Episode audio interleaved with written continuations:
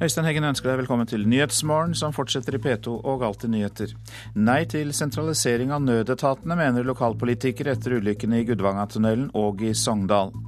UD satser på å hjelpe kvinner i andre land. Og småpartiene håper å sanke stemmer på Vestlandet ved å være nynorskvennlige.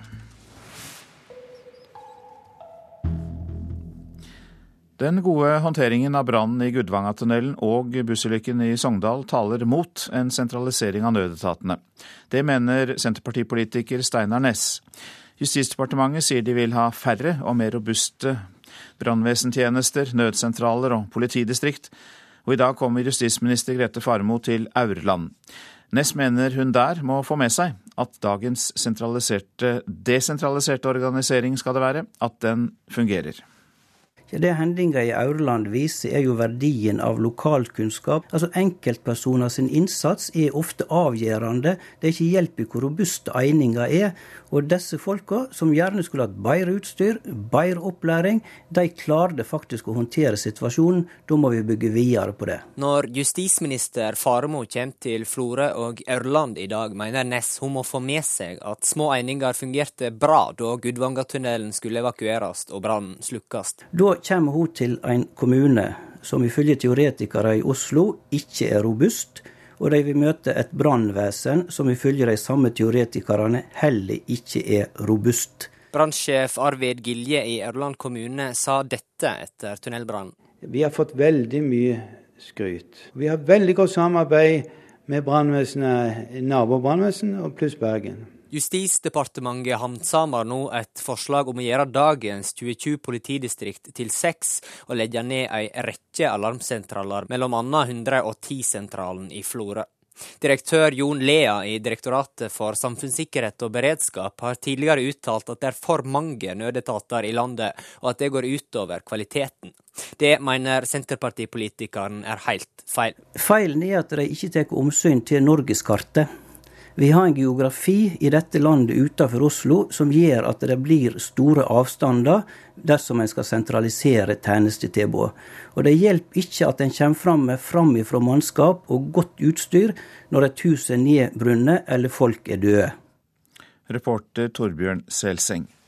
Det er uholdbart at Statens vegvesen ikke kan svare på når Gudvangatunnelen skal åpnes igjen. Det mener direktør Olav Hylland ved Gudvangen Fjordtell.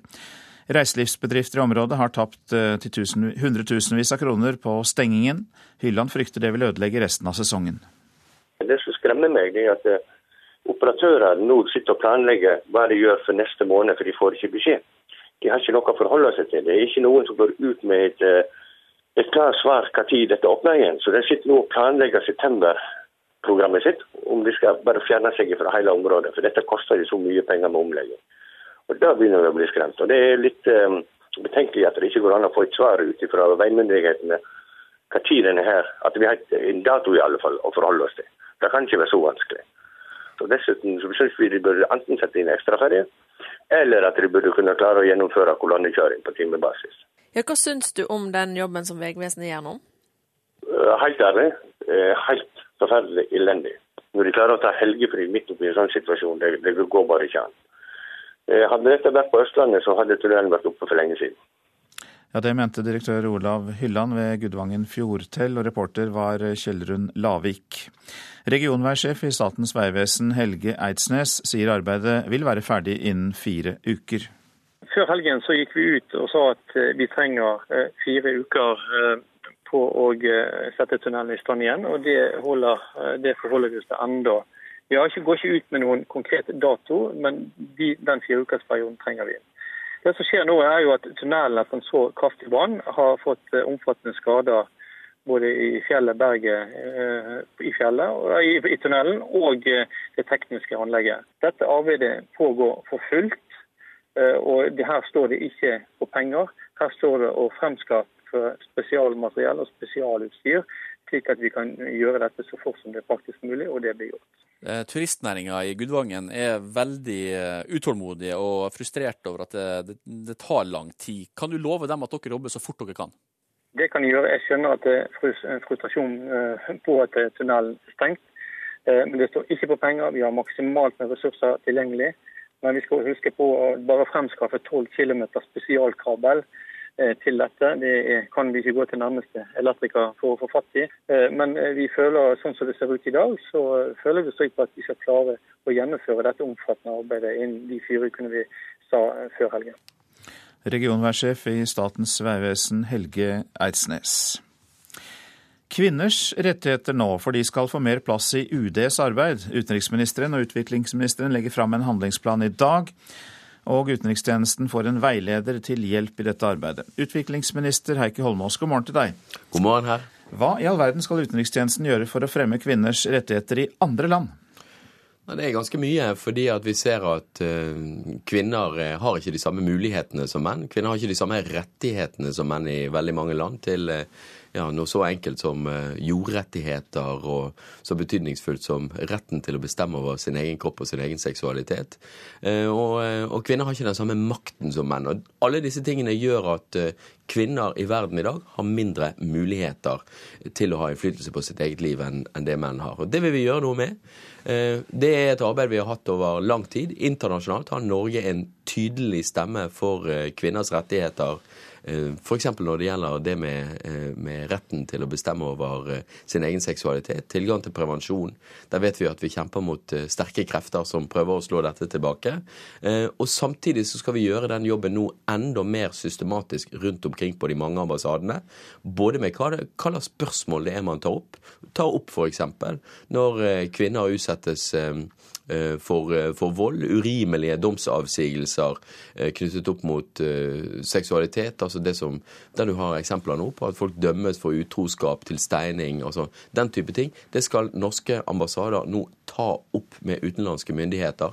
Ikke bare eh, Marte-saken i, i, sommer når det gjelder norske borgere, men også når det gjelder utenlandske borgere i landets eget eh, så nå skal ambassadører og ambassaderåder vandre rundt og være et slags moralpoliti i andre land?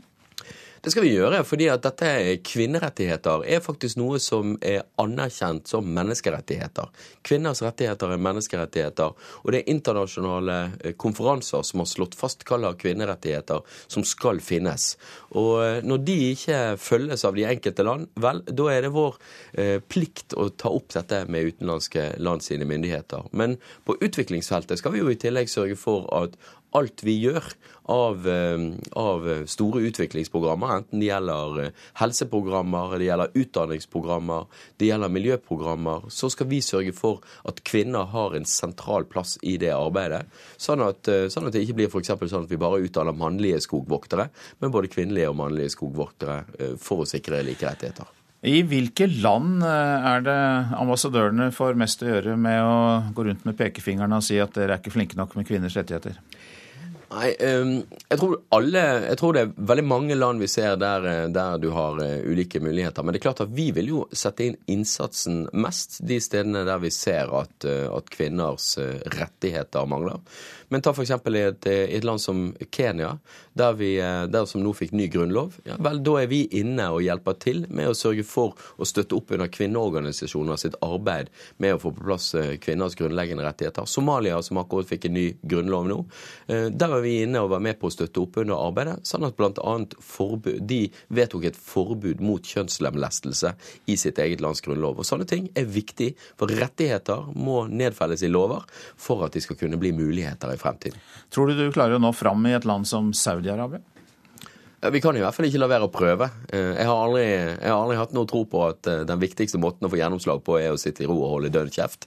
Eh, det viktigste vi kan gjøre, er å engasjere og utfordre myndighetene på, på, det som handler om rettigheter, sånn at folk både får muligheten, jenter og kvinner får muligheten til å både kjøre bil og muligheten til å få større innflytelse i, i landet. Ser vi på verden i dag, så er det jo sånn at ja, omtrent, menn er omtrent fire ganger så sterkt representert i, i parlament, parlament parlamenter rundt omkring. I enda større grad styres de forskjellige regjeringer eh, av menn. Og, og, det er bare langsiktig jobbing som teller. Jeg traff en president i, en av de to kvinnelige presidentene i Afrika som sa det at eh, likestillingsarbeidet fra vår side hadde bidratt til at hun første gang ble valgt som, eh, som parlamentsmedlem, og seinere som president. Så dette er ting som funker. Vi skal vinne dette. Det sa altså utviklingsminister Heikki Holmås her i Nyhetsmorgen. Takk skal du ha. Så tar jeg for meg avisenes forsider i dag. En klassisk massakre, sier Midtøsten-ekspert Henrik Tune til Bergens Tidende. Blodet fløt i Kairo i går da sikkerhetsstyrker rykket inn i teltleirene til tilhengerne av den tidligere presidenten Mohammed Morsi. Vi håper hele verden ser hvordan sivile egyptere blir drept av vårt eget politi. Det sier en av de pårørende til Dagsavisen. Teltleir ble krigssone, skriver Aftenposten. General Abdul Fattah al-Sisi fordømmes som drapsmann, men hylles også av mange egyptere som landets redningsmann. Høyre sier nei til seks av ti LO-forslag, og frontene i arbeidslivet skjerpes, skriver Klassekampen. Høyre åpner ifølge avisa for å forlenge opptjeningstida for sykelønn. Frp er det nye nei til EU-partiet, skriver Nasjonen. Bare fem av Fremskrittspartiets mest sannsynlige stortingsrepresentanter vil melde Norge inn i EU. Siv Jensen sier hun er blitt mer EU-skeptisk, hun også. Jens dolkes i ryggen igjen og igjen, er oppslaget i Dagbladet. Grete Knutsen er den fjerde i rekken som angriper ham i bokform. Jo mer en politiker er glemt, jo større er behovet for å snakke dritt for å bli mer interessant, sier Carl Fredrik Tangen ved Markedshøgskolen til avisa. Og som vi også hørte i Dagsnytt, Kina er mett på norsk laks. Markedsandelen er gått ned fra 95 til 29% skriver Dagens Næringsliv. Situasjonen er dramatisk, sier Norges fiskeriutsending til Kina. Skjulte sporene ved å frakte liket i kameratens bil, skriver VG. Avisa omtaler ny informasjon fra politiet om drapet på Sigrid Giskegjerde Skjetne i august i fjor. På åtte småøyer utenfor Stavanger der tjener de mest, får vi vite i Stavanger Aftenblad. De 4619 innbyggerne på Rennesøy tjener mer enn noen andre nordmenn, takket være oljeindustrien. Det er trendy å være same, det er oppslaget i Nordlys. Rekordmange har meldt seg inn i samemanntallet i Tromsø og andre byer. Sametingspresident Eigil Olli er fornøyd. Han tror debatten om samisk språkområde i Tromsø har fått mange til å melde seg inn i manntallet nå. Barna leker i like klær i Bakkane barnehage i Skien, kan Vårt Land fortelle. Foreldre og barnehage har gått sammen om å utstyre barna med samme type klær, for å motstå motepress.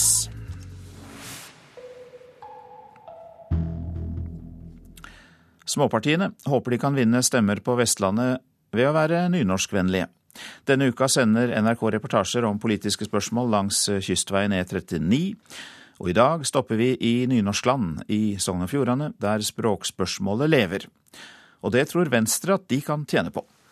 Det å eh, sikre gode vilkår for nynorsken og like språklige rettigheter er noe jeg eh, framhever i valgkampen min. Sveinung Rotevatn fra Nordfjord er kjent som leder i Unge Venstre.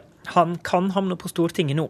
Han har lenge hatt kampen for nynorsk som et sentralt tema, f.eks. på skoledebatter. Ja, Da får du applaus, eh, iallfall i Sogn og Fjordane det viser seg å være mobiliserende. På den andre sida av regjeringsspørsmålet, midt i bokmålslandet i Bergen sentrum, treffer vi Steinulf Tungesvik.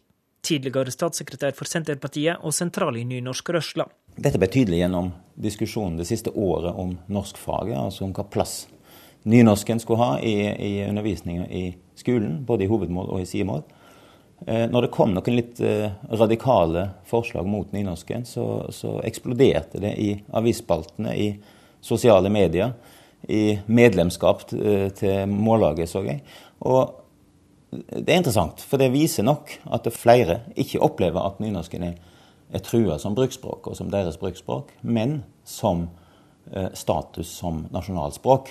Juristen arbeider sammen med Senterpartileder Navarsete da hun nylig hadde et utspill om å grunnlovfeste nynorsken. Jeg tror at eh, når dette nå er blitt et tydeligere spørsmål enn det har vært på flere tiår, kanskje, at det vil, vil, faktisk eh, påvirke partivalget eh, for flere enn det gjorde for fire år siden, åtte år siden, tolv år siden. NRK stopper bilen på et kjøpesenter i nynorskfylket Sogn og Fjordane. De fleste vi treffer, sier språksaker ikke avgjør partivalget. Nei, for meg er det samme. Nei, egentlig ikke. Ikke spesielt, nei. Det utvikler seg sånn som det vil uansett språket. Andre politiske tema er viktigere. Ja. Veibygging og forskjellige sånne ting, det er interessant. Også Sveinung Rotevatn tror det er større saker som avgjør partivalget. Jeg tror nok ikke det er så mange velgere som, som velger parti ut fra målsaker alene. Men eh, det er klart mange står og vipper mellom ulike parti, og er litt enige med flere i mye.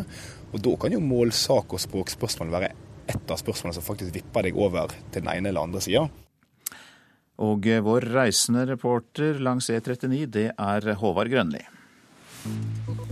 Klokka den er 6.48. Vi har disse hovedsakene i P2s Nyhetsmorgen. Norge skal være med på å granske hva som gikk galt i rettssakene mot Thomas Quick. Flere land, blant dem USA, protesterer mot de egyptiske sikkerhetsstyrkenes voldsbruk mot demonstranter i Kairo. Flere land varsler reaksjoner mot Egypt. Inspektører fra FN skal til Syria for å etterforske bruken av kjemiske våpen i borgerkrigen. Så skal vi høre om en som gikk fra syndebukk til målskårer i privatlandskampen mot Sverige i går. Til tross for en feil allerede i første minutt av sin landskampsdebut, så tror ikke Stefan Johansen at han har spolert sin karriere med flagget på brystet. Og han takker lagkameratene for den støtten han fikk etter tabbepasningen som ga svenskene mål. Nei, det var en eh, verst tenkelig start på debuten. Det er ikke noe tvil om det. Så til slutt der så mm, jeg Lagkompisene backa meg opp der. og det, Jeg har en litt sånn mentalitet at man må tørre å gi litt faen også for det, for det, om det går, og det gjør jeg. og Jeg spiller meg, spiller meg bra opp, så det handler bare for meg, min del å få kamper i beina på det her, på det her nivået. og og får jeg det, så, så, skal jeg ta nivå. De neste landskampene utover høsten er VM-kvalifiseringskamper. Den første mot Kypros på Ullevål 6.9. Og selv om Drillo var uenig i at Stefan Johansen ble kåret til banens beste i går, så er debutanten selv sikker på at han vil få tillit av landslagssjefen igjen. Jeg håper selvfølgelig å være med der. Det, det, er jo som jeg sa til dere tidligere, at det er derfor jeg er her. Og jeg har lyst til å gripe sjansen til, til å være der. Så det er ikke noe tvil om at det, det, det, det er det som står i hodet mitt. Men uh, nå skal jeg først og fremst hjem og prestere i godset. og Det er grunnen til at jeg er med her nå og gjør det. Og nå vet de for, forhåpentligvis hva jeg står for, og, og, at jeg bare kan bli bedre her. Så det, det håper jeg. Og landslagskaptein Brede Hangeland mener de unge debutantene er bra for laget. Han mener Norge er i ferd med å endre spillestil, nettopp pga. de unge som både er offensive og tekniske. Det kan bli veldig bra dette her med litt eh, justeringer. Reporter var Marianne Kvamme Amengual. Nå om noe de fleste av oss ikke håndterer til daglig hvalkanoner. Det hender at de går av under lading, og i fjor ble en hvalfanger livstruende skadd. Nå anbefaler Fiskeridirektoratet å bytte dem ut, men Truls Soløy fra Norges Småhvalfangerlag mener at det kanonene trenger, det er bedre vedlikehold. Sånn høres det ut når man skyter med hvalkanon. Og det trykket harpunen treffer hvalen med, setter grunnlaget til hvorfor Aksel Eikemo fra Fiskeridirektoratet anbefaler å bytte kanonene. Vi, vi er jo bekymret for det, eh, det som er viktig for oss, men også for næringen er jo at eh, denne hvalfangsten skjer under sikre forhold. Og Eikemo forteller at det er mer enn bare lyden av kanonen som står bak bekymringen. Når vi nå har hatt noen tilfeller med disse kanonene her, hvor det har gått av for tidlig og det har skjedd uh, ulykker med selve kanonen under avfyringen, så har vi uh, tatt dette opp med næringen, både med Norges Fiskarlag og med Norges Små Hvalfangerlag. Og be de da sette i gang tiltak for å sikre at det driver et forsvarlig eh, jakt. Fiskeridirektoratet skrev i en rapport som ble gitt ut i begynnelsen av 2013, at de anbefaler hvalfangere på det sterkeste å bytte ut de gamle kanonene sine mot nye 60 mm kanoner.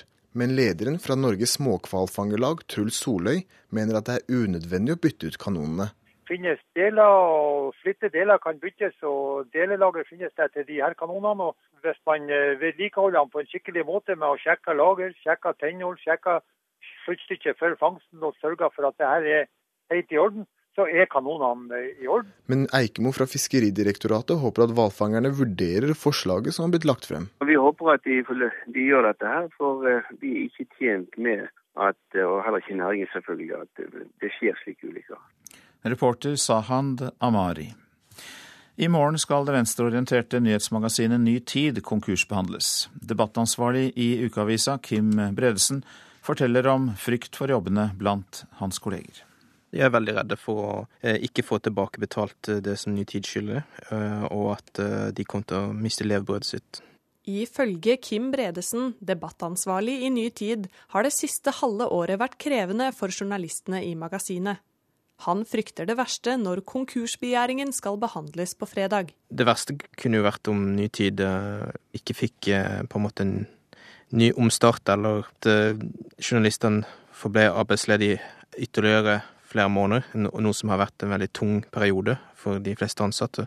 Den økonomiske situasjonen har jo vært ganske ille helt siden april, da, hvor journalister ikke har fått lønn. Det avviser administrerende direktør i Ny Tid, Ramazan Ay. Han sier at alle unntatt ansvarlig redaktør, Dag Herbjørnsrud, har fått lønn som avtalt. Han viser til likviditetsproblemer og usikkerhet rundt den konkrete summen som grunner til at redaktørens lønn har latt vente på seg. Ny egenkapital, mer penger i kassa, det er svaret. Rolf Reikvam er talsperson for styret i Ny Tid. Det er ikke en god situasjon, det er jo en ganske håpløs situasjon. At det er blitt så vanskelig for oss at vi rett og slett ikke har klart å betale lønn. og Vi kan ikke vente lenger. Vi må ha inn penger i kassa, og det må vi ha i form av egenkapital. slik at vi er i stand til å drive på en skikkelig og på en lovlig måte, og ikke drive, jeg er sikker på at vi ikke driver på kreditors regning. Debattansvarlig Kim Bredesen mener at mye står på spill. Det er jo en 60-årig tradisjon som vil bli brutt ved en konkurs. og det vil jo være en, eh, et både kulturelt og intellektuelt tap for Norge på den måten der. Også SV-leder Audun Lysbakken håper at Ny Tid slipper unna konkursen, ikke minst pga. magasinets historiske betydning for hans eget parti. Ny Tid er jo en veldig viktig del av vår historie. Utspringet til vårt parti var i eh, forgjengeren til Ny Tid, orientering, på 50- og 60-tallet. Eh, så det er klart at det er en eh, viktig del av vår arv som den avisen forvalter. Hva går tapt dersom Ny Tid erklæres konkurs på fredag? Jeg ville jo synes det var trist om, eh, om, Ny Tid skulle gå konkurs, fordi de er jo altså del av en lang tradisjon på venstresiden i norsk politikk, som jeg håper det fortsatt er rom for i, i Presse-Norge. Og ansvarlig redaktør Dag Herbjørnsrud ønsker ikke å kommentere saken. Reporter Synne Haugbråten Rustad. De har reist til Edinburgh i tusentall, skuespillere og humorister, for å vise seg fram for produsenter av TV og teater. Fringe-festivalen er en stor markedsplass for bransjen, og midt på torget står norske Ingrid Dale med sitt ferske standup-show.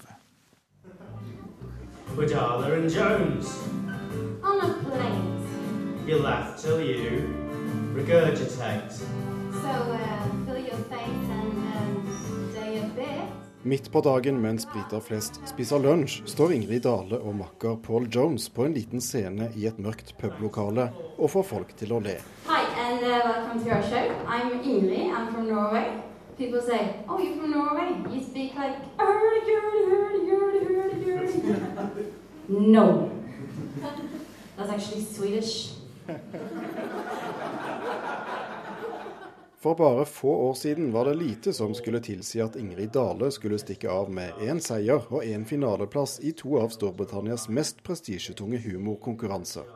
For deretter å spille egen forestilling tre uker på rad på verdens største teaterfestival, The Fringe i Edinburgh.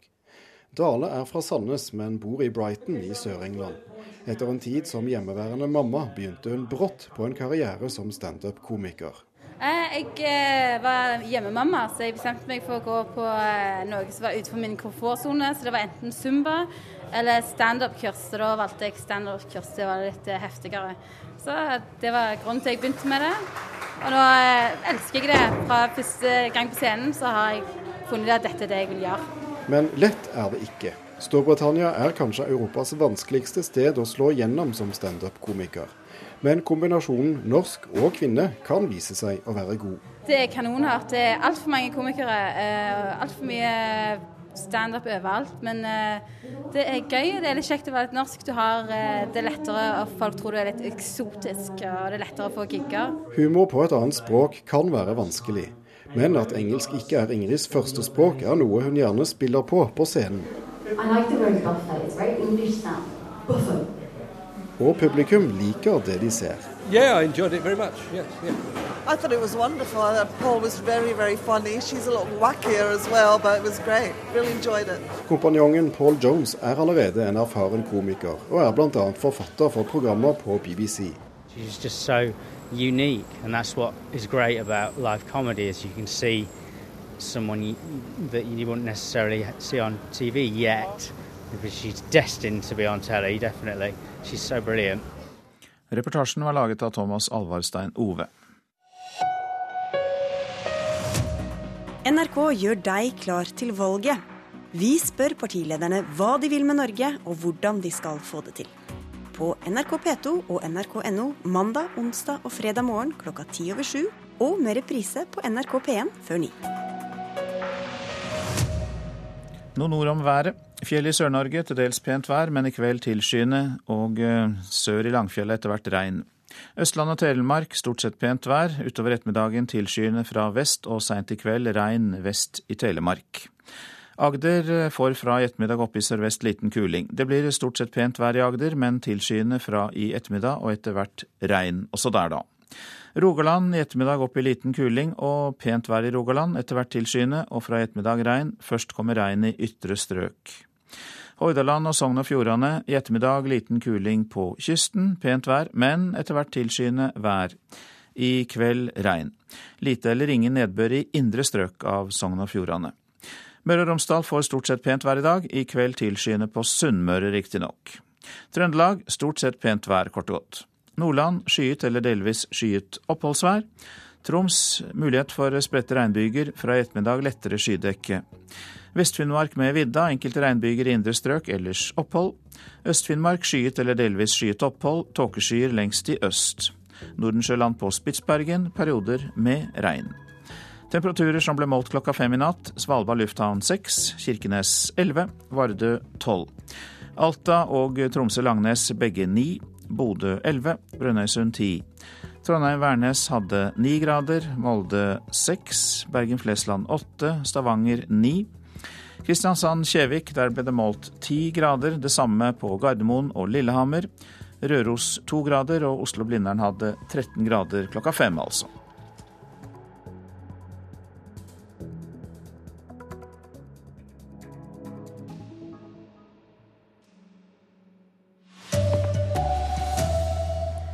Rekordmange pasienter kjøper seg ut av den offentlige køen for MR-undersøkelser. Håndteringen av store ulykker i Sogn og Fjordane taler mot en sentralisering av nødetatene, mener Senterpartiet. Her er NRK Dagsnytt, klokka er sju. De private røntgeninstituttene har hatt en eksplosiv vekst i tallet på pasienter som kjøper seg ut av den offentlige køen. Ved Aleris helse har andelen som betaler av egen lomme eller via forsikring økt med 86% første halvår i år. Også hos Unilabs Norge er det flere som betaler selv, det forteller administrerende direktør Tom Emil Asp. Vi ser faktisk en radikal økning, særlig her i Oslo-området. Og innen Helse Sør-Øst så ser vi nesten en tredobling av andelen som velger å betale selv, sammenlignet med tilsvarende periode i fjor. En rekke land med USA i spissen protesterer mot de egyptiske sikkerhetsstyrkenes voldsbruk mot demonstranter i Kairo i går. Flere land varsler nå reaksjoner. USA vurderer å avlyse en militærøvelse som de etter planen skal ha sammen med Egypt til høsten, og anonyme tjenestemenn i Washington antyder også at USAs militærhjelp til landet kan bli tatt opp til ny vurdering, ifølge nyhetsbyrået Reuters. Inspektører fra FN skal nå reise til Syria for å etterforske bruken av kjemiske våpen i borgerkrigen som har pågått i landet i over to år. Det sier FNs generalsekretær. FN har den siste tiden forhandlet med den syriske regjeringen om en slik etterforskning, og de er nå blitt enige om at inspektørene skal foreta undersøkelser i de to neste ukene. Håndteringen av brannen i Gudvangtunnelen og bussulykken i Sogndal taler mot sentralisering av nødetatene. Det mener Senterpartiets Steinar Ness. I dag kommer justisministeren til Aurland, og Ness sier budskapet til henne er at dagens desentraliserte organisering fungerer bra. Ja, Det hendinga i Aurland viser, er jo verdien av lokalkunnskap. Altså Enkeltpersoner sin innsats er ofte avgjørende. Det er ikke hjelp i hvor robuste eininga er. Og disse folka, som gjerne skulle hatt bedre utstyr, bedre opplæring, de klarte faktisk å håndtere situasjonen. Da må vi bygge videre på det. Kommunene strammer nå inn pengesekken på startlån. Ordningen fra Husbanken fungerer som en hjelp til de som sliter med å komme seg inn på boligmarkedet, men stadig flere nektes nå startlån fordi de har for høy inntekt. NRK Dagsnytt, Anne Jetlund Hansen.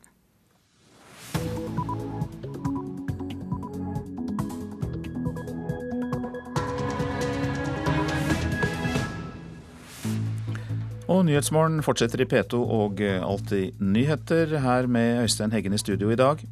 Vi fortsetter med mer om veksten i private helsekjøp. Statssekretær Robin Koss er kommet til studio og skal straks kommentere det. Flere enn før nektes startlån fordi de tjener for mye. Øker klasseskillet i boligmarkedet, mener økonom. Og vi skal få inn en direkterapport fra fra Egypts hovedstad Kairo.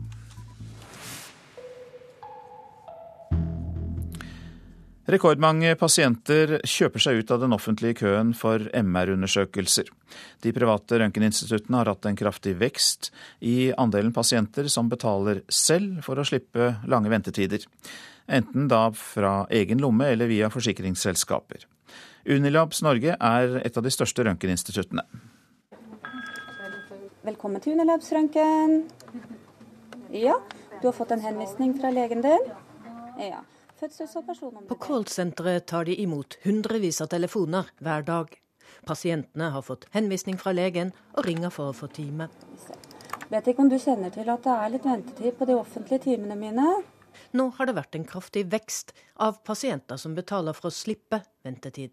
Vi ser faktisk en radikal økning, særlig her i Oslo-området. Sier administrerende direktør i Unilabs, Tom Emil Asp. Og innen Helse Sør-Øst så ser vi nesten en tredobling av andelen som velger å betale selv, sammenlignet med tilsvarende periode i fjor. Ved Aleris helse er utviklingen den samme.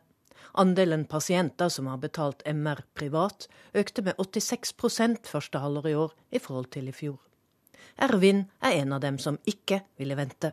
2000, altså 2180, tror jeg, eh, pluss 85 for en CD, er ganske mye penger. Eh, men på andre sida, å få en såpass avansert tjeneste ja, i løpet av dagen, er også noe som man må betale for. Han skadet kneet på trening dagen i forveien og humpa rundt på krykker. Ved MR-undersøkelsen har han fått tatt bilde av kneet for å finne ut hva som er galt. Å vente noen uker var aldri aktuelt. Eh, det var såpass alvorlig eh, at jeg skjønte at jeg egentlig ikke skulle vente så lenge som det vanlige systemet skulle tilsi. Og da snakker han om det offentlige helsevesenet, med egenandel på et par hundrelapper. Hastepasienter slipper alltid til, men for andre kan ventetiden bli lang. I Helse Sør-Øst på opptil 25 uker. Mange pasienter henvises til private, hvor helseregionen har kjøpt en andel av undersøkelsene.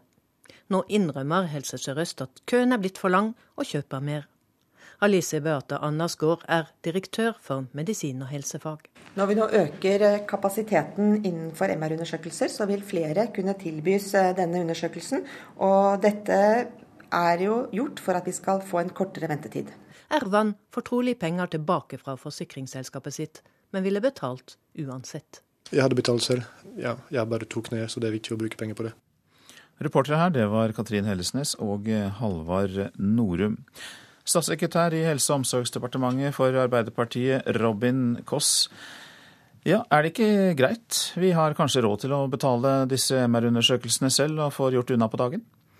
Nei, det er veldig viktig for oss å holde egenandelene eh, lave. Vi har sagt nei til de forslagene som har kommet nå om å øke egenandelene for å få ned ventetider. Det mener vi er feil vei eh, å gå.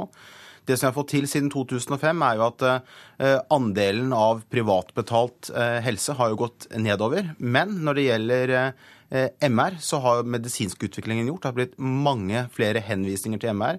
Det har blitt lengre ventetid, spesielt Oslo-Lillestrøm. Derfor så gjør vi nå tre tiltak. Det ene er at vi nå allerede i dag øker kapasiteten, kjøper flere private undersøkelser. Det kan man også se på å øke i de offentlige sykehusene.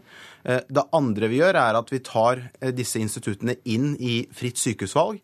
Det er, det er jo slik at man kanskje må vente lenge i Lillestrøm, men reiser man til Ski, så kan man få undersøkelsen i løpet av få uker. Og vi kommer med nye retningslinjer, for vi vet at en del av de undersøkelsene som blir bestilt, der er det feilbestillinger. At man bestiller feil type undersøkelse. Det gjør at kapasiteten blir brukt på en dårlig måte. Og, er, og derfor er nye retningslinjer viktig for å få ned ventetiden. Så de private kommer bl.a. inn i fritt sykehusvalg. Det høres ut som dere gjør det som Høyre vil gjøre?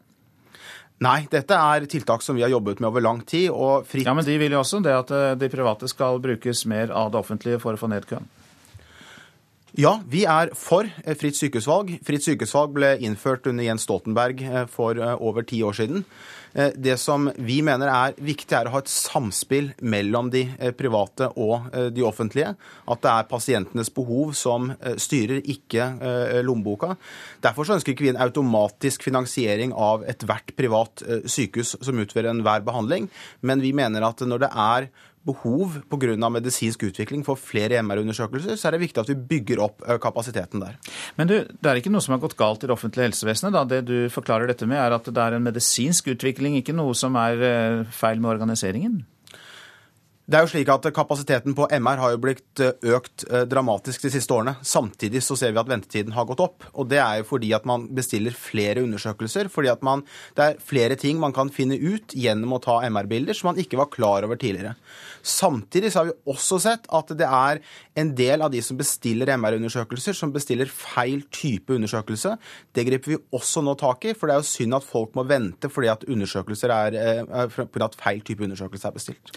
Dere trekker trekker altså inn noe mer eh, privat virksomhet nå, eh, bl.a. for å få unna denne køen.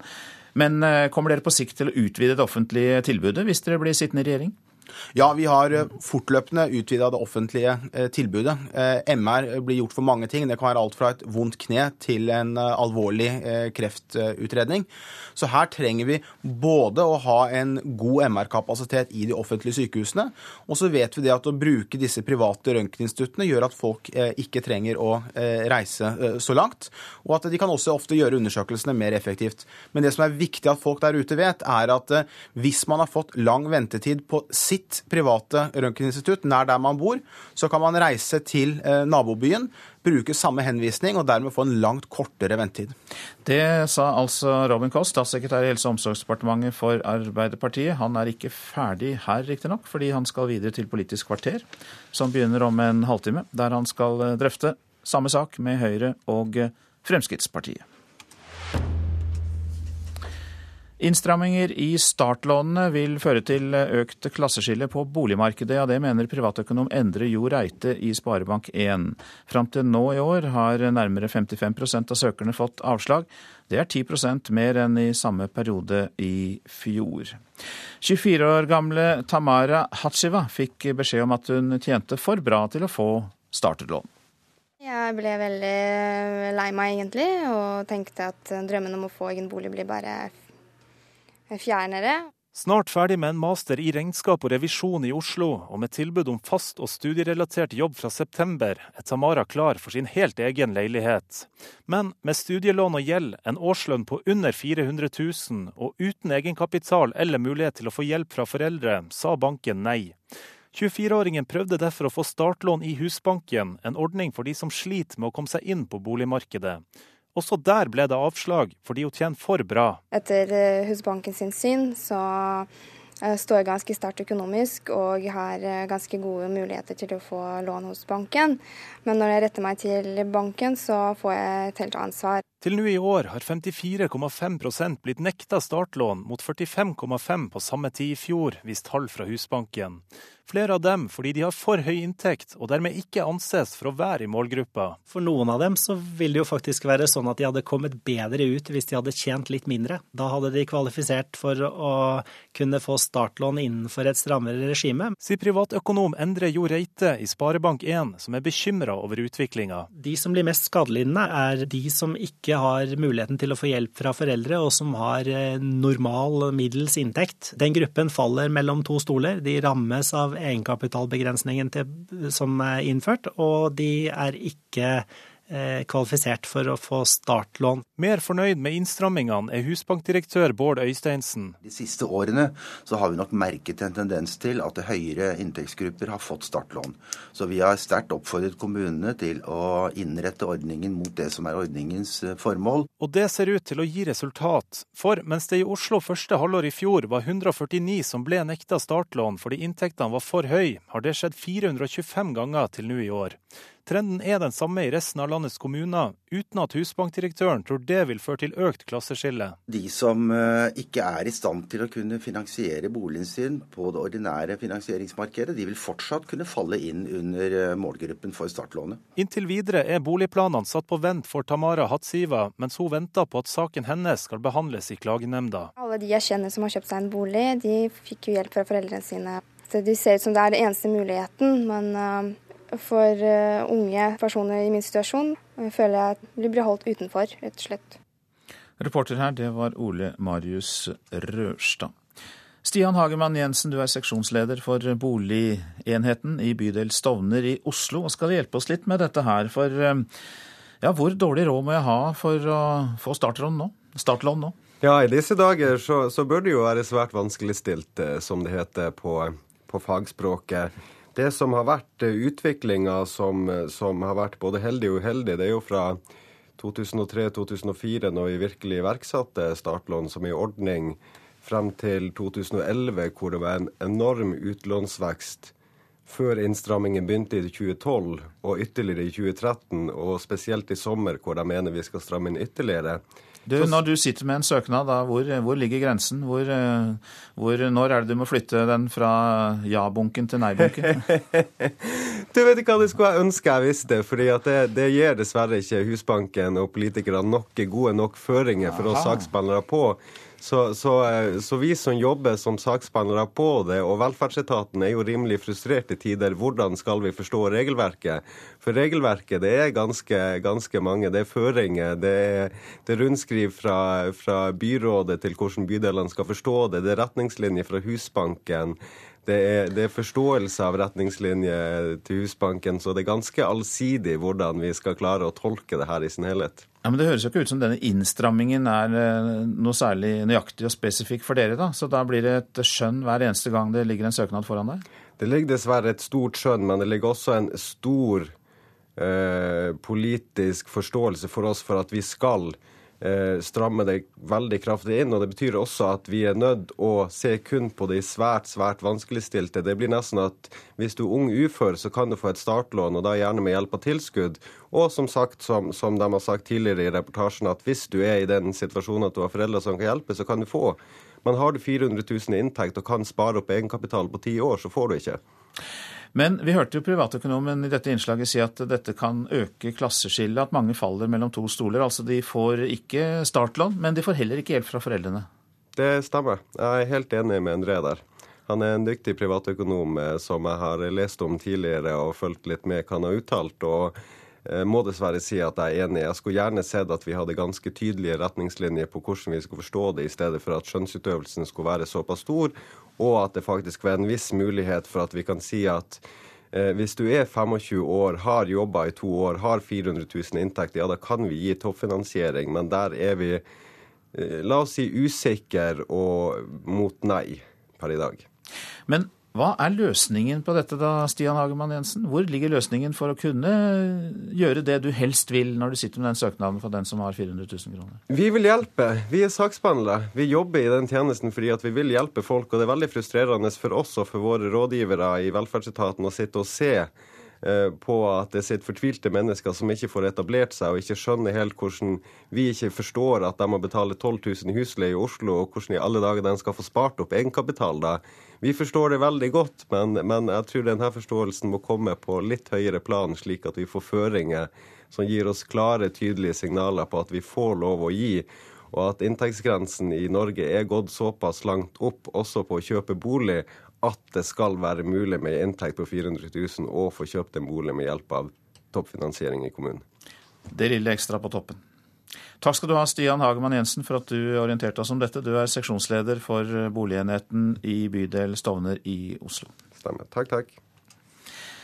Så tar vi med at arbeidsledigheten blant unge er tre ganger så høy som ledigheten blant eh, dem over 25 år. Andelen som ikke kommer seg tilbake på jobb har økt kraftig, det skriver Aftenposten i dag. Og eh, forskere sier til avisen at det er eh, urovekkende. Dette er Nyhetsmorgen, og klokka den passerte 7.17 nettopp. Vi har disse hovedsakene. Norge skal være med på å granske hva som gikk galt i saken mot Thomas Quick. Flere enn før nekter startlån, som vi hørte, fordi de tjener for mye. Det øker altså klasseskillet i eh, boligmarkedet, og det hørte vi jo eh, også at eh, seksjonsleder for boligenheten i bydel Stovner, Stian Hagemann, var enig i. Flere land, blant dem USA, protesterer mot de egyptiske sikkerhetsstyrkenes voldsbruk. Vi får straks en direkterapport fra Egypt.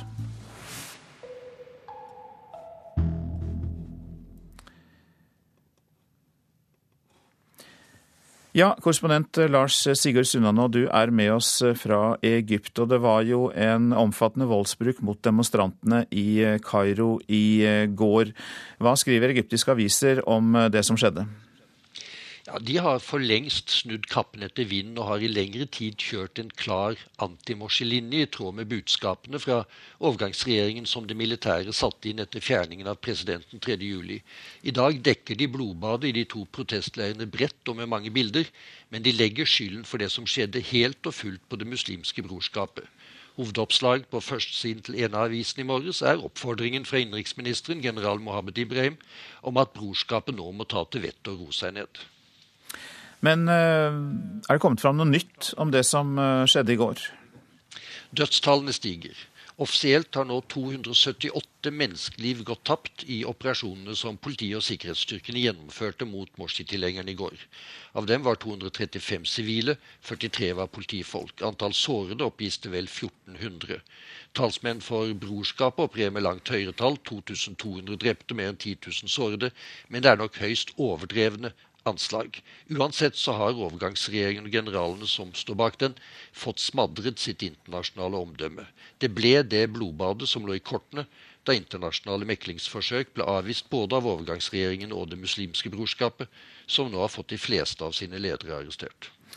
Men Det muslimske brorskapet har jo eksistert i Egypt i tiår, og de forsvinner jo ikke på dagen. Så hva kan motreaksjonene derfra bli?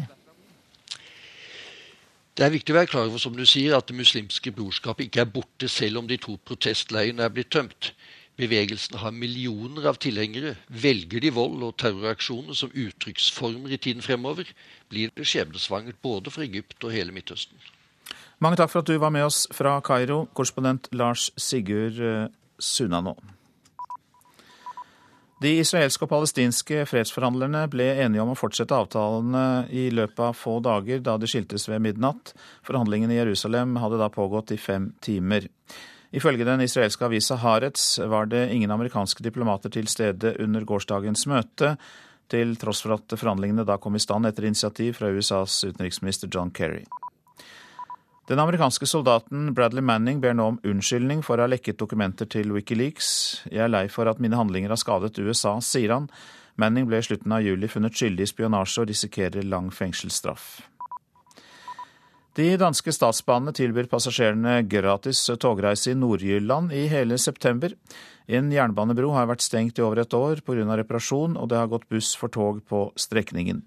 Og som takk for tålmodigheten så kan man altså kjøre gratis mellom Hobro og Fredrikshavn i eh, hele september.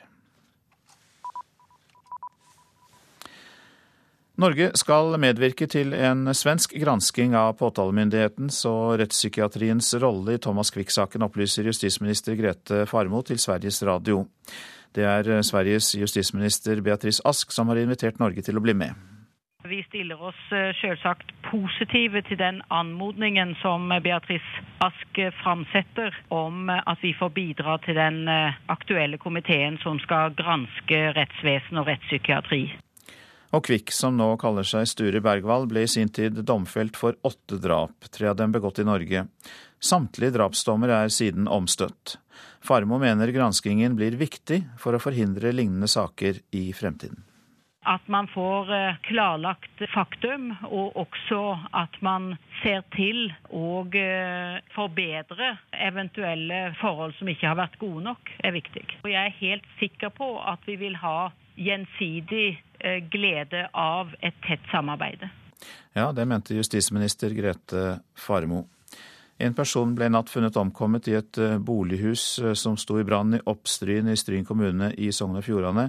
Operasjonsleder Bjarte Engevik i Sogn og Fjordane politidistrikt opplyser at huset sto i full fyr da nødetatene kom fram, og at det etter hvert ble funnet en eh, død person i huset. Markedsandelene for norsk, fersk norsk laks i Kina har falt med fra 92% til 29% på tre år. Den norske fiskeriutsendingen i Kina og Hongkong, Sigmund Bjørgo, vil overfor Dagens Næringsliv ikke konkludere med hvorfor markedsandelen har falt så kraftig. Han viser imidlertid til at Kina innførte strengere regelverk for import i februar 2011, få måneder etter at Nobelkomiteen ga fredsprisen til den kinesiske dissidenten Liu Xiaobo.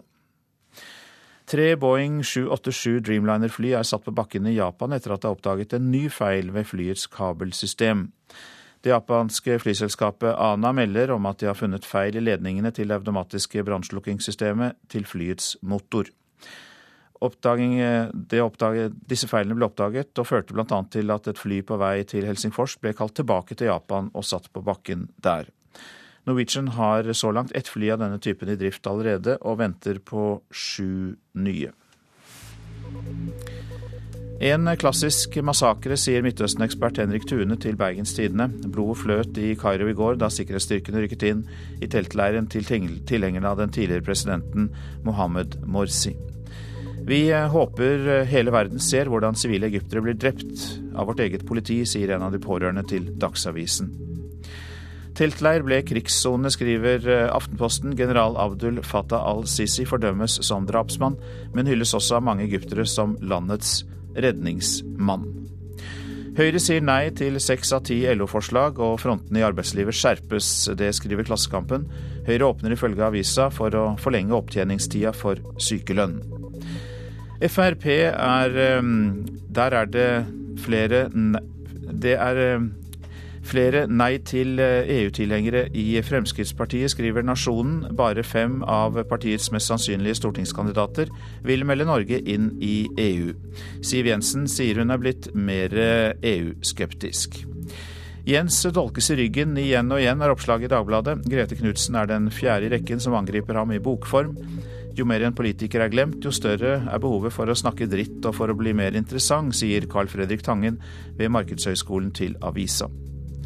Skjulte sporene ved å frakte liket i kameratens bil, skriver VG. Avisa omtaler ny informasjon fra politiet om drapet på Sigrid Giskegjerde 16.8 i fjor. På åtte småøyer utenfor Stavanger tjener de mest, får vi vite i Stavanger Aftenblad. 4619 innbyggere på Rennesøy tjener mer enn noen andre nordmenn takket være oljeindustrien. Og det er trendy å være same. Det er oppslaget i Nordlys. Rekordmange har meldt seg inn i samemanntallet i Tromsø og andre byer. Sametingspresident Eigil Olli er fornøyd, og tror debatten om samisk språkområde i Tromsø har fått mange til å melde seg inn i manntallet. Barna leker i like klær i Bakkane barnehage i Skien. Det kan Vårt Land fortelle. Foreldre og barnehage har gått sammen om å utstyre barna med samme type klær for å motstå motepress.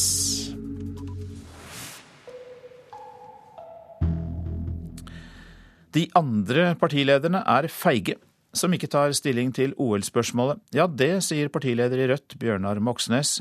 Samtidig som stortingsvalget 9.9 holdes, så skal osloborgerne si sin mening om eh, OL i en eh, folkeavstemning.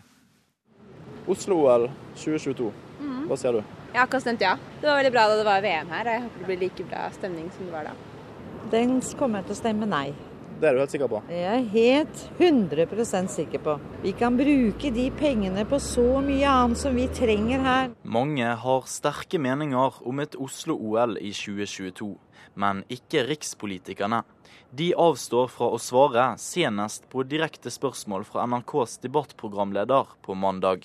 Bør det bli vinter-OL i Oslo? Det vet du utmerket godt at en partileder ikke kan svare for. Hva sier du, Stoltenberg? Nei, vi har ikke tatt stilling til det, og du vet utmerket godt at en statsminister ikke kan ta stilling til det. Jeg syns at Oslo-OL er en dårlig idé, fordi regninga står ikke i forhold til eh, moroa. Bjørnar Moxnes fra Rødt er den eneste partilederen som våger å velge side. Han synes de andre er feige. Nå skal først folk i Oslo si sin mening i folkeavstemning, og da bør vi få en best mulig debatt før den tid. Og da bør også andre enn Rødt tørre å si hva de står for, og komme ut og legge fram argumentene enten for eller mot et OL i Oslo i 2022. Oslo-borgerne får si sin mening om OL i folkeavstemningen, som er samtidig som stortingsvalget. Men til syvende og sist er det den kommende regjeringen som skal ta den endelige beslutningen. Olaf Thommessen er leder for den tverrpolitiske aksjonsgruppen Jo22, som kjemper for et Oslo-OL. Også han etterlyser mer tydelige rikspolitikere. Jeg skulle ønske de svarte på linje med sine lokale partier, som er for OL. Så både Oslo Arbeiderparti og Oslo Høyre er jo, stiller seg bak en OL-søknad.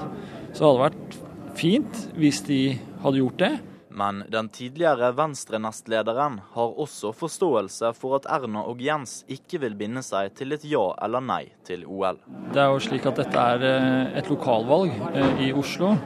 Og eh, det er ikke naturlig for rikspolitikere og statsminister og statsministerkandidater og nødvendigvis ta stilling til det som er lokalvalg. Og kanskje er partilederne redde for å miste stemmer dersom de tar stilling i OL-debatten. Det tror i hvert fall noen av velgerne. Det er litt for eh, kontroversielt til at man, at man tør å velge side, og dermed så blir det ganske vagt og vanskelig for, eh, for velgerne å forholde seg til. Reporter her, det var Philip André Bårøy. Du lytter altså til P2s eh, Nyhetsmorgen. De eh, spede forsøkene på å gjenoppta fredsforhandlingene mellom Israel og Palestina, det er et tema for reportasjen etter Dagsnytt. Helsekøene skal diskuteres i Politisk kvarter av eh, Arbeiderpartiet, Høyre og Fremskrittspartiet. Prosent for Nyhetsmorgen, det er Vidar Eidhammer i studio Øystein Heggen. Og vi legger til at dersom du har tips eller kommentarer, så er e-posten Nyhetsmorgen, krøllalfa nrk.no.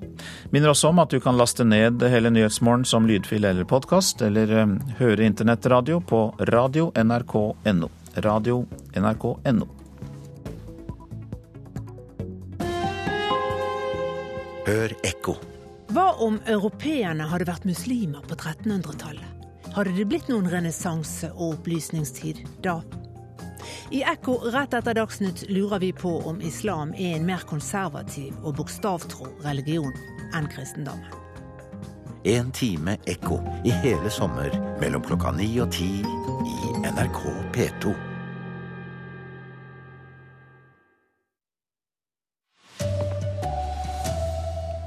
Rekordmange pasienter orker ikke å stå i kø for MR-undersøkelse, og betaler heller selv.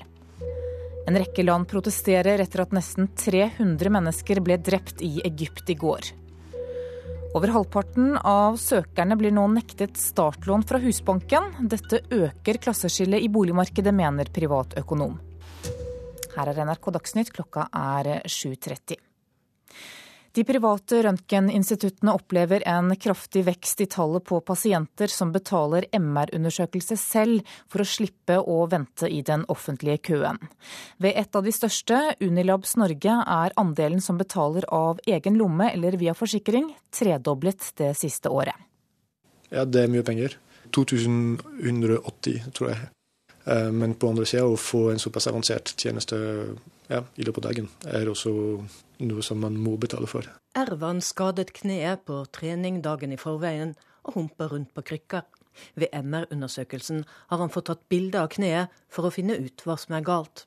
Å vente noen uker var aldri aktuelt. Eh, det var såpass alvorlig eh, at jeg skjønte at jeg egentlig ikke skulle vente så lenge som det vanlige systemet skulle tilsi. Og da snakker han om det offentlige helsevesenet med egenandel på et par hundrelapper. Hastepasienter slipper alltid til, men for andre kan ventetiden bli lang, i Helse Sør-Øst på opptil 25 uker. Mange pasienter henvises til private, hvor helseregionen har kjøpt en andel av undersøkelsene. Nå innrømmer Helse Sør-Øst at køen er blitt for lang, og kjøper mer. Og dette er jo gjort for at vi skal få en kortere ventetid. Sier Alice Beate Andersgaard, som er direktør for medisin og helsefag. Og mens ventetiden i det offentlige har økt, betaler altså flere heller selv. Ervan får trolig penger tilbake fra forsikringsselskapet, men ville betalt uansett. Jeg hadde betalt selv. Eh, når det gjelder kneet, jeg skjønner at det er såpass akutt og såpass viktig at det som skjer de første dagene. Så ja, jeg bare to knær, så det er viktig å bruke penger på det. Reportere her, det var Katrin Hellesnes og Halvard Norum. Statssekretær i Helse- og omsorgsdepartementet for Arbeiderpartiet, Robin Koss, synes ikke det er greit at folk skal måtte betale mye mer for å slippe kø. Nei, det er veldig viktig for oss å holde egenandelene eh, lave. Vi har sagt nei til de forslagene som har kommet nå om å øke egenandelene for å få ned ventetider. Det mener vi er feil vei eh, å gå. Det som vi har fått til siden 2005, er jo at eh, andelen av privatbetalt helse har jo gått nedover. Men når det gjelder MR, så har medisinskutviklingen gjort. Det har blitt mange flere henvisninger til MR. Det har blitt lengre ventetid, spesielt Oslo-Lillestrøm. Og Robin Koss møter Høyre og Fremskrittspartiet til debatt i Politisk kvarter klokka 7.45. I Egypt våkner et splittet land til den første morgenen etter de blodige gatekampene i går. Nærmere 300 mennesker ble drept, men overgangsregjeringen viser ingen tegn til anger over angrepet mot Morsi-tilhengerne den blodigste dagen i Egypts nyere historie. Scener i Kairos gater som ikke engang den tidligere diktatoren Hosni Mubarak, som ble styrtet for over to år siden, stelte i stand. Snikskyttere skjøt mot tilhengere av Det muslimske brorskap for å drepe, forteller øyenvitner og videobilder. Men skal vi tro innenriksminister Mohammed Ibrahim, vil ikke overgangsregjeringen stå tilbake for å gjøre det samme igjen. Ingen protester vil tolereres, sier han. Nå som vi har erklært unntakstilstand og presidenten har gitt militære rett til å bistå politiet, vil vi ikke godta en eneste slik demonstrasjon noe sted i landet, uansett hva vi måtte ofre. Og det sa reporter Stig Arild Pettersen. Over til deg, Lars Sigurd Sunnanå. Du er i Kairo, og portforbudet som ble innført eh, i nesten hele landet, ble opphevet for halvannen time siden. Hvordan er situasjonen i øyeblikket? Ja, den er eh, spent fortsatt. Eh, byen Kairo våkner nå langsomt til liv, men hvis en skal tro avisene, så ser vi jo at det er overgangsregjeringen som det militære satte inn et fjerningen av eh, Mohammed Morsi 3.7, som nå får eh, tilslutning. I dag dekker avisene blodbadet i de to protestleirene bredt og med mange bilder, men de legger skylden for det som skjedde helt og fullt på Det muslimske brorskapet. Hovedoppslag på førstesiden til en av avisene i morges er oppfordringen fra general Mohammed Ibrahim om at brorskapet nå må ta til vett og roe seg ned. Men det er viktig å være klar over at Det muslimske brorskapet ikke er borte, selv om de to protestleirene utenfor Kaur-universitetet og i bydelen Nasa City er valset ned og tømt bevegelsen av millioner av tilhengere, velger de nå vold og terroraksjoner som uttrykksform i tiden fremover, blir det skjebnesvangert både for Egypt og hele Midtøsten. Takk skal du ha, Lars Sigurd Sunnanå i eh, Kairo. Da skal det handle om startlån, for flere enn tidligere nektes nå startlån fra Husbanken fordi de tjener for mye. Dette bidrar til å øke klasseskillet i boligmarkedet, mener privatøkonom Endre Jo Reite i Sparebank1. For noen av dem så vil det jo faktisk være sånn at de hadde kommet bedre ut hvis de hadde tjent litt mindre. Da hadde de kvalifisert for å kunne få startlån innenfor et strammere regime, men siden de har kanskje litt for høy inntekt, så ender de opp i en mellomgruppe. En gruppe 24 år gamle Tamara Hatsiva befinner seg i. Hun er snart ferdig med en master i regnskap og revisjon, og med fast jobb fra september ønsker hun seg sin helt egen leilighet. Men med studielån under 400 000 i årslønn og uten både egenkapital og foreldre som kan bidra, sa banken nei. Hun søkte derfor Husbanken om lån, en ordning for de som sliter med å komme seg inn på boligmarkedet, men fikk avslag. Det sto at uh, jeg har da for uh, høy inntekt til å kunne få startlån. En beskjed stadig flere får. Tall fra Husbanken viser nemlig at 54,5% av søknadene har blitt avslått til nå i år mot 45,5 på samme tid i fjor. Den utviklinga er administrerende direktør i Husbanken, Bård Øysteinsen, fornøyd med. De siste årene så har vi nok merket en tendens til at høyere inntektsgrupper har fått startlån. Så vi har sterkt oppfordret kommunene til å innrette ordningen mot det som er ordningens eh, formål. Og dermed forsvinner en sikkerhetsventil for de unge, frykter privatøkonom Endre Jo Reite i Sparebank1, som er bekymra over innstrammingene. De som blir mest skadelidende, er de som ikke har muligheten til å få hjelp fra foreldre, og som har eh, normal middel middels inntekt. Den gruppen faller mellom to stoler. Jeg kjenner meg veldig godt igjen i det uttrykket, og unge personer i min situasjon blir holdt utenfor, rett og slett. Det sa til slutt Tamara Hatsiva, reporter var Ole Marius Rørstad. Småpartiene håper at de kan vinne stemmer på Vestlandet ved å være nynorskvennlige. Denne uka sender NRK reportasjer om politiske spørsmål langs kystveien E39, og i dag så stopper vi i nynorskland, i Sogn og Fjordane der språkspørsmålet lever. Og det tror Venstre at partiet kan tjene på. Det å eh, sikre gode vilkår for nynorsken og like språklige rettigheter er noe jeg eh, framhever i valgkampen min. Sveinung Rotevatn fra Nordfjord er kjent som leder i Unge Venstre. Han kan havne på Stortinget nå. Han har lenge hatt kampen for nynorsk som et sentralt tema, f.eks. på skoledebatter. Ja, Da får du applaus, i alle fall i Sogn og Fjordane. Det viser seg å være mobiliserende. På den andre sida av regjeringsspørsmålet, midt i bokmålslandet i Bergen sentrum, treffer vi Steinulf Tungesvik. Tidligere statssekretær for Senterpartiet og sentral i nynorsk-rørsla. Juristen arbeider sammen med Senterpartileder Navarsete da hun nylig hadde et utspill om å grunnlovsfeste nynorsken. Jeg tror at eh, når dette nå er blitt et tydeligere spørsmål enn det har vært på flere tiår, kanskje, at det vil, vil, faktisk eh, påvirke partivalget eh, for flere enn det gjorde for fire år siden, åtte år siden og tolv år siden. NRK stopper bilen på et kjøpesenter i nynorskfylket Sogn og Fjordane. De fleste vi treffer, sier språksaker ikke avgjør partivalget. Nei, for meg er det som om. Nei, egentlig ikke. Ikke spesielt, nei. Det utvikler seg sånn som det vil uansett språket. Andre politiske ja. tema er viktigere. Ja. Veibygging og også Sveinung Rotevatn tror det er større saker som avgjør partivalget. Men mange står og vipper mellom ulike partier, og er litt enige med flere i mye. Og Da kan jo målsak og språkspørsmål være et av spørsmålene som faktisk vipper deg over til den ene eller andre sida. Reporter var Håvard Grønli. Spydkaster Andreas Torkelsen håper at det løsner i VM. Han har slitt med teknikken i snart to år, men han mener at han har en mulighet til å ta medalje. Det er ingen garantier for at det, at det stemmer, men eh, det er større muligheter nå. Andreas Torkelsen forteller at treningen opp mot VM i Moskva har gått så bra at sjansen for at han får sin første fulltreff på to år, er større enn tidligere. Trener Åsmund Martensen innrømmer allikevel at situasjonen er spesiell. Det er jo på mange måter litt mer spennende enn vanlig for oss, da. Reporter var Jan Post, og speedkvalifiseringen er akkurat i gang i Moskva. Ansvarlig for sendingen var Arild Svalbjørk, teknisk ansvarlig Frode Thorshaug og i studio Anne Jetlund Hansen. Dette er P2s eh, Nyhetsmorgen.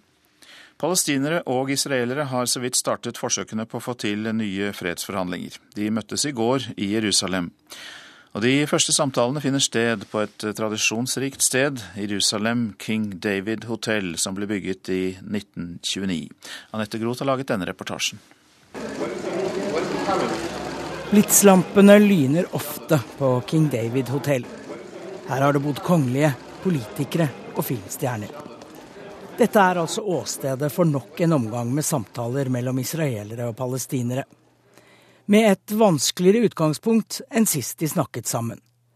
Optimismen er ikke stor, men en av stamgjestene på hotellet tillater seg å håpe.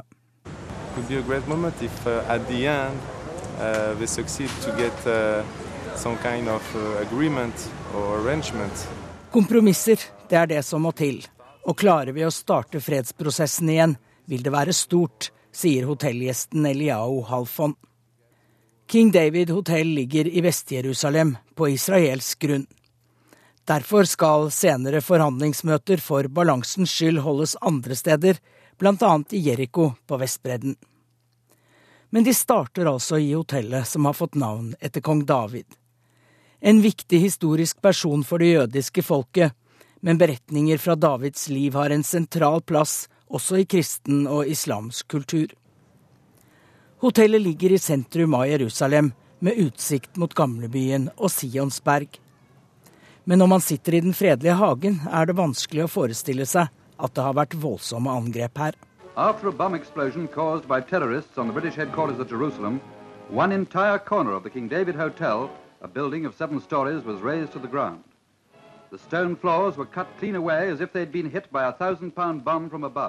Det var i juli 1946, den gang området her ble styrt av britene i det såkalte Palestina-mandatet. Og på King David hotell hadde britiske myndigheter sitt hovedkvarter. Det var den militante sionistiske gruppen Irgun, ledet av senere statsminister Menachem Begin, som plantet bomben i hotellets kjeller.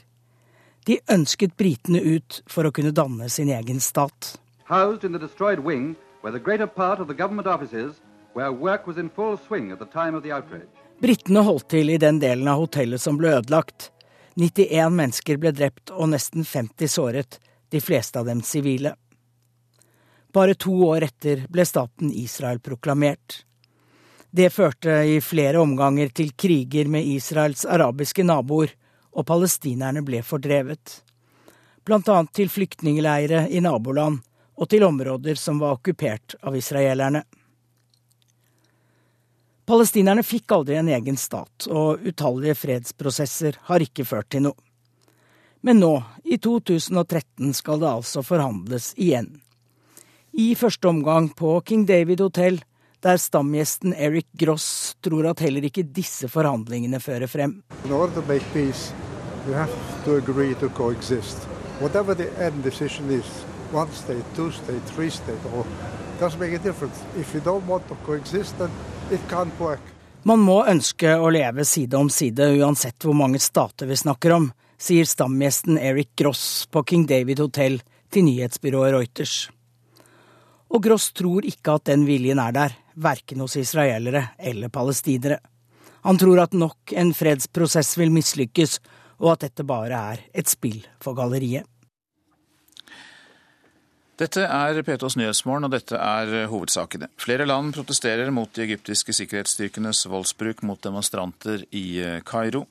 Kommunene strammer inn på startlån for ungdom. Husbanken mener det er riktig vei å gå. Rekordmange pasienter kjøper seg ut av den offentlige køen for MR-undersøkelser. Regjeringen setter inn tiltak for å få ned køene. Og dette er også tema for helsedebatten hos deg i Politisk kvarter, Per Arne Bjerke. Har vi fått et todelt helsevesen der det er tykkelsen på lommeboka som avgjør hvor lenge du må stå i kø?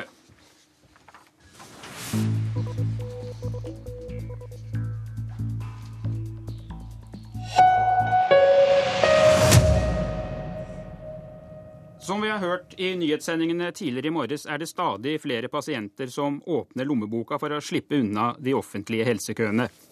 Og statssekretær i Helsedepartementet, Robin Koss fra Arbeiderpartiet, hvorfor kan dere ikke nå like gjerne gjøre som Høyre foreslår, la pasientene velge behandlingssted selv, og la det offentlige ta regningen? Grunnen til at vi går imot uh, Høyres forslag er av to grunner. Det ene er at det vil betydelig svekke uh, de offentlige sykehusene, som vi er avhengig av for kreftbehandling, akuttberedskap, uh, behandling av alvorlig sykdom. Det andre er jo at det vil gi økte egenandeler for vanlige folk når de bruker helsevesenet. Men det som vi alle er enige om, er at vi må bruke av den kapasiteten som er. Derfor øker vi i dag eh, kjøpet av MR, hvor det har eh, bygget seg opp for lange ventetider. Men totalt sett i Norge så har jo andelen av privatbetalt helse gått nedover siden vi overtok. Men nå lar dere altså både Helse Midt-Norge og Helse Sør-Øst kjøpe flere plasser hos private klinikker. og Er ikke det da en innrømmelse av at køene er blitt altfor lange? Vi har ikke noen begrensning på kjøp av eh, private. Det er en eh, illusjon som eh, Høyre og Fremskrittspartiet prøver å skape. Her er det fritt fram for hvor mye plasser de ønsker å kjøpe i hver enkelt region. Det er fritt eh, sykehusvalg. Og nå innfører vi også fritt sykehusvalg for disse MR-instituttene. Det er jo slik at de som har ventet mange mange uker i Lillestrøm, kunne fått en rask undersøkelse og reise til Ski. De som har ventet lenge i Oslo, kunne reise til Drammen. Men folk har ikke nok informasjon om de tilbudene som er. Derfor må vi bedre den informasjonen, og så må vi kjøpe flere undersøkelser. Leder i helsekomiteen på Stortinget og nestleder i Høyre Bent Høie med meg på telefon fra Valdres, der du driver valgkamp. Hva sier du om det du hører i morges om at eh, man nå tar i bruk flere private klinikker for å få ned køene? Bent Høie, er du der? Nei, da har vi mista forbindelsen med Bent Høie. Men da du er her, Kari Kjønaas Kjos, helsepolitisk talskvinne i Fremskrittspartiet. Får vi et mindre todelt eh, helsevesen ved å flytte ressurser fra offentlige sykehus til private klinikker? Vi skal ikke flytte ressursene fra de offentlige til de private, men vi skal bruke begge deler når det er lange ventetider. Eh, og det, det, tristeste som har skjedd under denne regjeringen, er jo dette todelte helsevesenet som de har greid å skape. Ved å legge ned lokalsykehus, ved å fjerne 1700 sykehussenger, og ved å si til sykehusene at hvis de trenger å investere i medisinsk-teknisk utstyr eller pusse opp eller ha IKT, så må de ta ned pasientbehandlingen. Det gjøres altså budsjettmessige eh, vurderinger fra sykehusene hver eneste dag på hvor mange de kan behandle. Hvis du bevilger ekstra midler til å kjøpe plasser hos de private for å ta unna for alle de som venter, så slipper vi den todelingen vi har fått nå, hvor de med veldig god råd eller er ekstra ekstra redde og rett og slett ikke tør annet enn å, å, gå til private. De går til private, mens alle andre må stå og vente i en kø som ikke er nødvendig å stå i. Kås. Dette er jo helt uh, feil. Det er jo slik at når man ser på helsetjenesten totalt sett, så har jo andelen som betales privat, har gått nedover siden 2005. Det er 1,6 millioner flere utredninger og behandlinger eh, nå enn det var da vi uh, overtok. Og vi øker kvaliteten på behandlingen, som er det aller, aller viktigste. Men det som Fremskrittspartiet og meg er enige om, det er jo at vi må øke kapasiteten og kvaliteten både hos offentlig og eh, privat. Nå er det jo synd at eh, Høyre ikke er med på telefon. Nå er det nok snart, tror jeg. Det, det, er, det, er, bra, for at det som er virkelig ille, synes jeg, det er at man skal lage ordninger som gjør at de private sykehusene skal få forrang for det offentlige. For det er jo veldig viktig at vi har et nok kapasitet på Røntgeninstituttet i Lillestrøm. Men det er jo akkurat like viktig at også det er nok fagfolk, nok budsjett på Ahus f.eks. For, eksempel, for å drive akuttberedskap, behandling av alvorlig sykdom. Da har vi kanskje med oss lederen i helsekomiteen på Stortinget, Bent Høie fra Valdres, eh, hvor du driver valgkamp. Eh, har du fått fulgt med i debatten så langt, og hva har du å si til det Kåss sier? Ja, jeg er jo vant til at uh, alle snakker om Høyres politikk, og spesielt når jeg ikke er der. Men uh, det er jo heller da gir, gir en òg en feil fremstilling. Høyre ønsker selvfølgelig å øke kapasiteten både hos uh, private og offentlige, og ikke, og ikke gi privat forrang, som, eh, som Kåss her sier. Det er jo eh, veldig interessant at eh, når Arbeiderpartiet eh, innser at køene er blitt for lange, så må de gå til Høyre sine løsninger for å få de ned, nemlig å kjøpe mer hos, hos private. Men, men, men, hovedforskjellen er jo uansett at med Høyre sin løsning så vil eh, det å ha muligheten til å velge private være et eh, velferdsgode for eh, alle. Mens i Arbeiderpartiet så vil det sin, sin løsning så vil dette være et privilegium. Jo, men Høie, vil ikke det dere foreslår føre til et dårligere tilbud ved de offentlige sykehusene, fordi alle da skal bekjempe, kjempe om de samme bevilgningene fra den samme pengesekken? Nei, det vi vil gjøre det er jo bevilgningene til helse, men gi den enkelte pasient muligheten til, når en møter flaskehalser, f.eks. MR, å og kunne gå til private og ikke måtte vente til systemet har bestemt seg for at nå skal vi kjøpe mer, eller eh, til at det er valgkamp for Arbeiderpartiet. For det er det realitet i dag. Dette, har vi visst, eh, dette har vi visst lenge. Helt, helt, og i mitt, egen, I mitt egen helseregion, i Helse Vest, så er det veldig lange ventetider på MR. På lokalsykehus i, i Stavanger er ventetiden 20 uker. Eh, og det er klart at det vil være meningsløst for en pasient fra Stavanger å måtte fly til Oslo for å ta et MR-bilde når det har ledig kapasitet. Ja. Ja. La Kåss få svare her. Ja, men altså det, det, det, det, du sier her henger jo ikke eh, på greip. For det, som vi har gjort nå gjennom åtte år, er jo å øke kapasiteten både i det private og det offentlige. Eh, da dere gikk ut av regjeringskontorene sist, så kjøpte man privat for 7 milliarder. Nå kjøper vi for 12 milliarder. Det som er en kjempestor forskjell mellom oss og eh, dere, er jo at vi ønsker å bevilge de pengene som trengs. Dere hadde nullvekstbudsjetter da dere styrte. Dere etterlot dere et milliardunderskudd. Nå har vi klart å få alle regionene i balanse. Det behandles 1,6 millioner eh, flere. Det betyr at man kan få opp kvaliteten og opp kapasiteten, både offentlig og privat. Det som dere gjør nå, med å gi de private forrang uten å øke budsjettene, er jo at regninga går til de offentlige sykehusene og til egenandelene for vanlige pasienter. Ja. Kari Kjønaas Kjos, hvor mye dyrere blir det hvis vi skal slippe til flere private behandlere? Altså det, Hvor mange som slippes til, det kommer an på bevilgningene. Eh, hvis du skal eh, la behovet styre, så betyr Altså, jeg må bare innlede med å si det å behandle mennesker koster penger uansett. Det koster penger om vi bevilger det i dag, eller om du bevilger det i morgen. Det er derfor jeg ikke forstår hvorfor man holder igjen bevilgningene, hvorfor vi holder de så lave at vi lar folk vente. Noen venter på en operasjon opptil fem år. Det er altså en utgift som ikke blir borte uansett. Så når vi sier at vi vil bruke mer penger på sykehusene, så er det i en overgangsperiode for å få vekk de toppene som vi har, og få vekk alle de som har ventet veldig lenge. Og så kommer vi tilbake i et normalt gjenge, hvor vi holder, eh, holder oss konstant eh, med tilbud som er det reelle tilbudet. Regjeringen har hvert eneste år lagt budsjetter som er lavere enn det behovet er. Det betyr at eh, sykehuskøene har vokst og vokst og vokst, og det har blitt et behov for privat supplement stadig mer og mer. Og det ansvaret må Arbeiderpartiet ta, for det er de som har laget budsjetter som er så stramme. Og de har vært så opptatt av budsjettbalanse.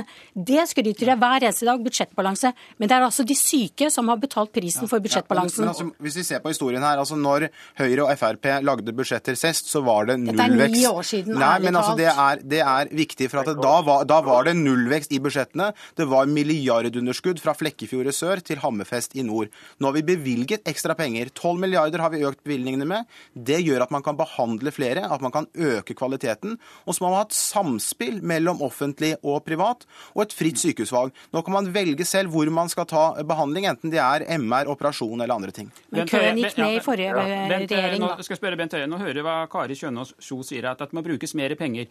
Hvor mye mer penger er du beredt til å bevilge til helsevesenet? Nei, Høyre har sagt at uh, når vi innfører den styrka pasientrettigheten som innebærer fritt behandlingsvalg, der uh, pasienter som har fått en rett til behandling, uh, får det som en del av sin rett å kunne velge privat, at det å være medlem av folketrygden blir like godt som å ha en privat helseforsikring, så skal vi selvfølgelig beregne hva det koster i det statsbudsjettet vi innfører. Ja, hvor mye koster det? Har dere tatt de beregningene nå? Nei, det er helt umulig. fordi at uh, Vi vet ikke for det første hvor mange som venter i 2016. Vi vet ikke hva som er den private ledige kapasiteten i 2016. så Det uh, er verken oss eller Finansdepartementet kan beregne det i dag. Men jeg ser at uh, professor Hagen har sagt at hans anslag ut fra de som venter i dag, vil være mellom 2 og 3 milliarder. Det er ikke et tall som skammer meg, for Kari har helt rett i at dette er en utgift som uansett kommer. Arbeiderpartiet bruker helsekø som et sparetiltak, men det er et dårlig sparetiltak fordi utgiftene renner ut på andre områder. Folk går sykemeldte, folk blir sykere mens de venter, og utgiften kommer uansett for dette pasienter Ja. Men eh, Bent Høie, du har også varslet at dere vil øke egenandelene på visse sykdommer. Er det dette som er et tiltak for å fjerne helsekøene, da? Nei, og det har vi vært veldig tydelige på. At vi for det første ikke skal øke egenandelene generelt. Vi skal beholde men, på noen, men bare for å forklare, dere skal øke egenandelene på visse sykdommer. Det har du sagt?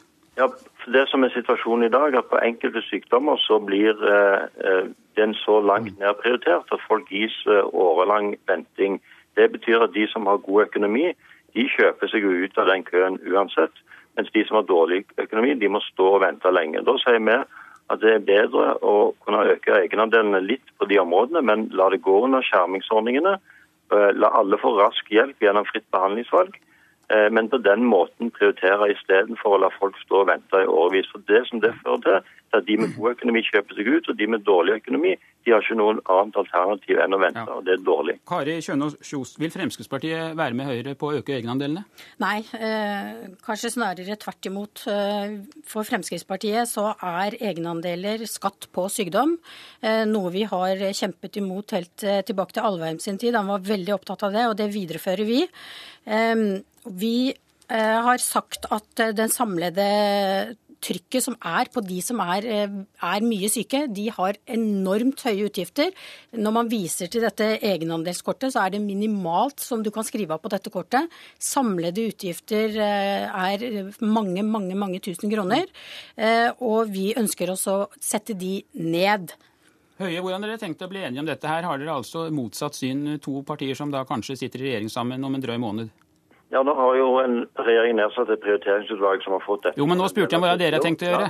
Ja, som har fått en del til mandat. og Der får vi jo se på hva de kommer med anbefaling. Men det som er helt riktig, som Kari tar opp, det er at det er mange i dag som har helseutgifter som er store, som ikke er skjerma. Bl.a. innenfor tannhelse så har en rus- og psykiatripasienter som ikke blir godt nok skjerma. Høyre, og Fremskrittspartiet, KrF og Venstre har en god historie med å innføre gode skjermingsordninger. Det var vår regjering i samarbeid med Fremskrittspartiet som innførte tak 2-ordningen.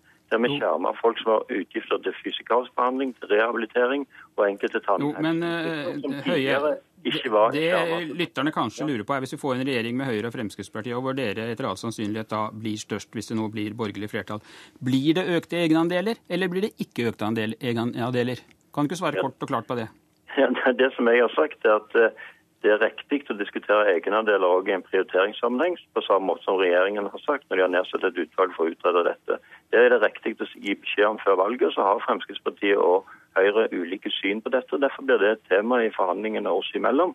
Men jeg, jeg sier at en av viktige grunnene for å diskutere dette er òg å skjerme en del mennesker som i dag ikke blir skjermet, som må betale sjøl. Og der er Høyre og Fremskrittspartiet og for Venstre helt Kari Kjønaas Kjos, kort, kan du love at det ikke blir høyere egenandeler? Ja, Det er i hvert fall en veldig veldig viktig sak for oss, så det kommer vi til å kjempe helt inn. Men jeg, men jeg har lyst til å legge til at eh, Arbeiderpartiet har gått hardt i angrep på Høyre på egenandeler. Det syns jeg er ganske frekt, for de har gått til valg på på å senke egenandelene, og de har økt hvert eneste år i åtte år. For det har vi måttet legge inn i våre alternative budsjetter. Kutt i egenandeler fordi regjeringen har økt de. Nei, det, for det første så er det helt feil. Egenandelen har blitt redusert av oss med 600 millioner kroner. Men det som jeg vil si til uh, Høie, eh, er jo at uh, det å øke egenandeler, det er jo den dårligste prioriteringen som fins. Det vi vet er fra andre land, er at når egenandelene blir for høye, så tar folk uh, senere kontakt med legen. Da er ofte sykdommen blitt mer alvorlig. Det andre er jo at når det som Høie kaller skjermingsordninger, det betyr at egenandelene blir avgjort ut fra inntekt, sosial status. Da får vi et mye mer komplisert system enn det vi har i dag. Nå har vi automatisk frikort. Uansett hvem du er, så betaler du samme lave egenandelen. Det at, man, at staten skal gå inn og se hvor mye hver enkelt tjener, hva er sosial status til hver enkelt før man fastsetter egenandelen, det mener jeg er en dårlig løsning. Igjen har Kors Kåss en eh, politisk debatt som foregår i fantasiverden, og ikke nå i det som noe parti har foreslått. For det første har jeg ikke foreslått økte egenandeler for å gå til legen. Eh, For det andre, når jeg snakker om skjermingsordninger, så er det akkurat det som Kåss nevner som eksempel, frikortordningen. Eh, Men vi har to frikortordninger i Norge. Vi har eh, egenandel Nei, det som dere har skrevet på dere, nei, det som det Du må lese eget partiprogram og egne nettsider. Der står det at det skal gå ut fra inntekt. En om gangen. Nei. Eh, Og egenandelstak 2-ordningen, som er en frikortordning, den ble innført sist Høyre satt eh, i regjering. Eh, For da var det mange mennesker som under Arbeiderpartiet hadde måttet betalt 100 sjøl, som vi mente var feil, og innførte skjermingsordninger. Så det er fullt mulig. Det som er ditt problem, det er at du lar folk med god økonomi ha mulighet til å kjøpe private, samtidig som eh, folk med dårlig økonomi blir stående i en lengre Og der fikk du siste ord, Bent Høie. Det var Politisk kvarter, og det blir mer helsepolitikk i dag når statsminister Stoltenberg og helseminister Jonas Gahr Støre legger fram Arbeiderpartiets planer for det de kaller et kvalitetsløft i Sykehus-Norge. Jeg heter Per Arne Bjerke.